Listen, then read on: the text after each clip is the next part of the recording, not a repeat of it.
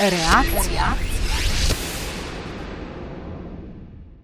Trgovci nas s programi zvestobe skušajo ukleniti v zakonski jarem. Njihov cilj je monogamna zveza, lojalnost enemu in edinemu trgovcu. Zato odpirajo klube zvestobe in ustvarjajo sisteme pogojevanja in nagrajevanja. Zenel Batagel, marketinški in oglaševalski strokovnjak, pravi, da so programi zvestobe prisotni v številnih oblikah. Tle so od noter vse od čigumija, ki ga da mesar otroku, ki je šel zraven mame, pa do ultra sofisticiranih, kot je naprimer verjetno v Sloveniji najbolj sofisticirani Merkator Pika. Obstaja pa tam en velik, velik menik, takrat, ko se začne uporabljati identifikacija potrošnika. Sploh takrat, ko se zgodi kakšna kartica, ko se zgodi ID, od takrat naprej pa govorimo o bolj resnih sistemih, ki pomogočajo tudi resno analitiko, profiliranje potrošnikov in omogočanje tega, da lahko posamezni potrošnik dobi nečesa več ali pa nečesa manj. Kartice ugodnosti so v pogledu potrošnikovo vedenje in njegove nakupovalne vzorce. Le da za njih ne velja, da več kot jih imaš, več veljaš. Špar, tuš, leklerk, tisti jabuk, lekarne, Jaz zbiram uno deset nalepk, pa da biš za ston kavo. Medva sva tako bogata, da ne raba nobenih ugodnosti. A, ja, jaz imam pa samo IKEA Family Card. ja, zaradi tega, ker dejansko so ful dobre ugodnosti, ko prideš tja, pa lahko ješ cenej pa to. jaz sem kljub uh, premarkatorju vključen. To je edini klub, ki mi daje ugodnosti. Imam dve kartici zvestobe na silo. Ja, gre za trgovca, enega tekstilnega, pa še enega, eno prodajalno kakšni imajo celo denarnico teh kartic. Mimoidoči imajo celo posebne denarnice za kartice zvestobe in nagradne kupone. Konkurenca je huda, ponudnikov pa veliko. Prav zato je pomembna ponudba, ki je kupcu pisana na kožo in temelji na zbranih podatkih o potrošniku.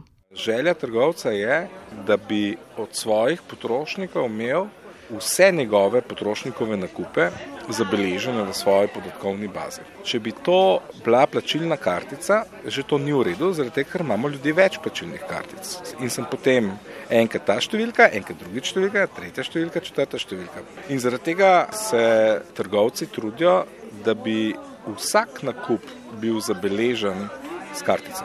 Vsak, tudi zelo, zelo majhen, to je zelo pomembno. Zakaj pa to počnejo? Ne? Ja, ker očitno to ima nek efekt. Ne? Če ne bi bilo efekta, tega ne bi bilo. Je drago, ampak učinkovito. Spravo. Očitno ljudje več trošijo pri istemu trgovcu in to je name of the game. Zapravljanje je bistvo igre, pravi Zenel Batagel.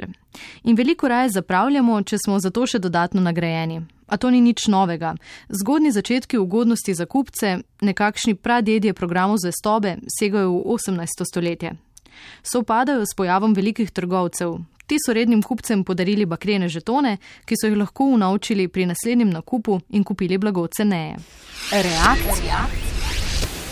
Trgovci so kmalo ugotovili, da so žetoni finančno zelo izdatni, zato so konec 19. stoletja prešli na podeljevanje žigov. Tak sistem poznamo še danes. Morda tudi sami zbirate žige ob nakupu kave ali pice, šesto dobite za ston. A to so le zametki programov zvestobe. Ti danes črpajo iz bazena podatkov potrošnikov, Kupci uživajo v ugodnostih in nagradah, trgovci v informacijah, s katerimi usmerjajo potrošnjo.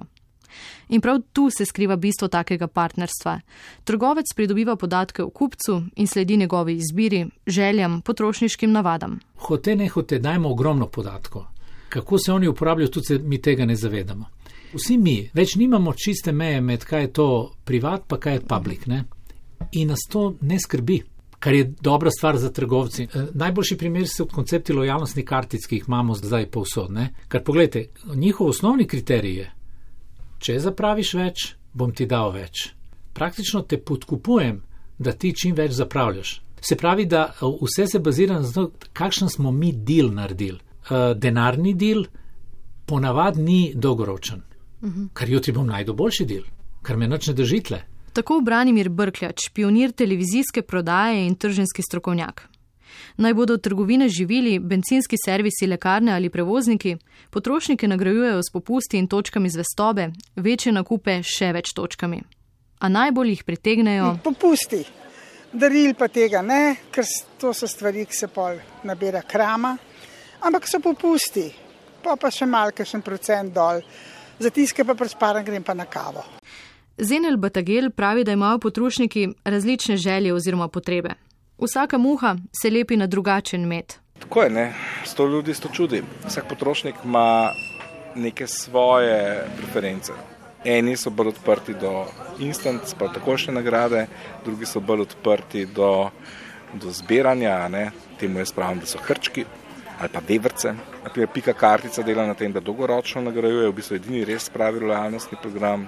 Najboljši primer kratkoročnih nagrad je, so te nalepke, ker takoj nekaj dobim, tako lahko nekaj nalimam. Potem imaš pa še izdelke, ki jih lahko dobiš, če si član nekega kluba, ne, tega je vedno več pri nas. Spet drug ekstrem je pa naprimer Leclercov sistema, ne, ki pa ti takoj vrne nazaj denar in točno vidiš koliko dejansko vidimo en trend, da potrošniki želijo nagrado čim prej. Z Batageljem se strinja tudi stanovski kolega, marketinški strokovnjak Branimir Brkljač. Glavni igravci na trgu se bolj prizadevajo za ta hit result. Ne? Po neki strani to je logično. Zdaj, ko te imam, zdaj ti bom še ponudil in drugo, in tretje, in peto, in tako naprej. Ampak je to zdaj šlo do takšnih meja, da vi imate instant nagrado za vsak vaš nakup. Ne? Te jaz podkupujem, da bi kupil še. Ne? Takojšnja nagrada služi kot hipna potešitev kupčevih želja in preusmeritev pozornosti. Kakšen vpliv pa ima nagrajevanje na potrošnjo? Poklicali smo Bajrona Šarpa, direktorja Inštituta za marketinške znanosti Ehrenberg in profesorja na Univerzi Južne Avstralije. Že več kot desetletje opazuje smernice programov zvestobe. Učinek na potrošnjo je razmeroma majhen. Se sprašujete, zakaj? Programi zvestobe v večini primerov pritegnejo kupce, ki so že tako ali tako zvesti. In prav redni kupci so bolj naklonjeni deljenju osebnih podatkov. Podjetju, ki mu zaupajo pri nakupovanju, zaupajo še vse ostalo. Primek ime, rojstvo, pa mislim, da tudi naslov, davčne ne. ja, ime pa primek, uh, emšo niso zahtevali, pač zaradi tega pač sem se tudi udeležil, prijavil in tako naprej. Koliko zaslužim, koliko mož zasluži, kje stanujemo, koliko sob imamo, marička, ogromen tega. Slovenci smo torej precej zaupljivi, za majhne koristi pa smo pripravljeni o sebi povedati veliko, pravi Zenel Batagel. Kar vidim je to, da so ljudje pripravljeni za zelo, zelo majhne koristi veliko, veliko povedati o sebi. V bistvu se potrošniki ne zavedajo, kaj dajo od sebe. To zdaj le je je tako, da se reko, en divji zahod na tem področju, kako obrnemo. Ker v bistvu se mora eh, zavest potrošnika spremeniti, enostavno to, kar on je, kaj pušča za sabo, da ima vrednost. A smo kupci prepoceni, a prehitro zaupamo svoje podatke v zameno za hipno ali pa mogoče neko bolj dolgoročno nagrado? Moj odgovor na vaše vprašanje, strinjam se z vprašanjem. Tako da, ja, potrošniška družba, ki ni od včeraj, ki že dolgo tle, uh, nas je že navadila na to, da vedno iščemo, kaj je good deal. Vse smo pripravljeni narediti, da bi dobili na koncu ta good deal. Vsak za sebe mora oceniti, ali smo prepoceni ali nismo. In tudi Branimir Brkljač vse čas presoja, komu zaupati svoje podatke. Če ga izdelek ali storitev res zanima, pusti elektronski naslov.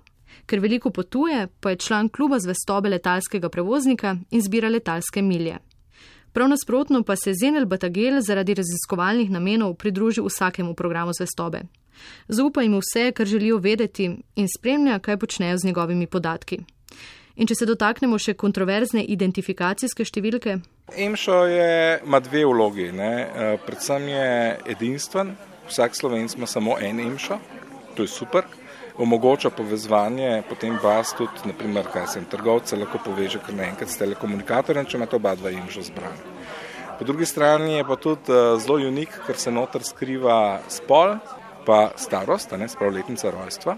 Zdaj pa kaj pa bo res firma uporabljala od tega, je pa zdaj vprašanje njihovih potreb in kaj pravzaprav res počnejo. Večina jih uporablja predvsem zato, da proba pogruntati, kaj je tist, kar bi še njemu pasal. Sprav zelo pozitivno. To je res lepo za enkrat. Se pa to prej ste obrnili. Moč analize podatkov se skriva prav v profiliranju potrošnika. Podatki so ključni, pridobivajo jih z nagradnimi igrami in pristopnimi izjavami, pojasnjuje Branimir Brkljač. Se pravi, daj ti neki zaprav, daj neki mehkega, daj boš mogoče velik dobo. Ne? In vedno je to ta ponudba, ali je to zdaj nagradna igra, ali je to zbiranje raznih točk, nalepk ali ne vem kaj, ali je to uh, zaprav tolk, pa boš dobo še več. Koncept je vedno isti. Daj ti nekaj mehkega, boš dobil nekaj velikega. Ne? In to je v osnovi koruptivni model, ne? ker na ta način tudi meni daješ ceno na glavo. Ne? In tega se nekateri potrošniki dobro zavedajo. Branimir Brkljač zadnje leta opazuje vse bolj agresivne ponudnike, ki od kupcev zahtevajo vse več podatkov in ekskluzivno zvestobo. Zaradi tega se pogosto počutijo opeharjene. Pravzaprav so me pač mal okol prinesli. Ja, to pa gospa, pa imate ugodnosti, čeprav to sploh niso ugodnosti, sam potem dobiš še en popust, ki ga moš pa izkoristiti do ne vem do kjerga datuma in te dobiš message in konc. Branimir Brkleč napoveduje, da bodo v prihodnosti uspešni trgovci, ki bodo obrali drugačni marketinški pristop in se oddaljili od zdajšnjega koncepta klubov zvestobe. Vedno imamo deal in poljaštejem, koliko točk imam pa pol preverjam, a vi spoštujete tisto, kar ste mi obljubili. Pol smo mi v delu. Del pa ni emotivna stvar, to je racionalna stvar. Pripadnost nekom brendu je pa emotivna stvar. Strategija onih eh, brendov, ki bojo preživeli, bo slenila na tem. Profesor Byron Sharp pravi, da so programi zvestobe preživeti, podjetjem pa v veliko finančno breme. Nekateri trgovci želijo program zato upustiti, a ga zaradi učinka razočaranja ne upajo. Kupci ugodnosti pogosto sploh ne koristijo, a če jim jih želite oduzeti, se razburijo. Programe zvestobe je težko opustiti, zato pa veliko podjetij ugodnosti zmanjšuje.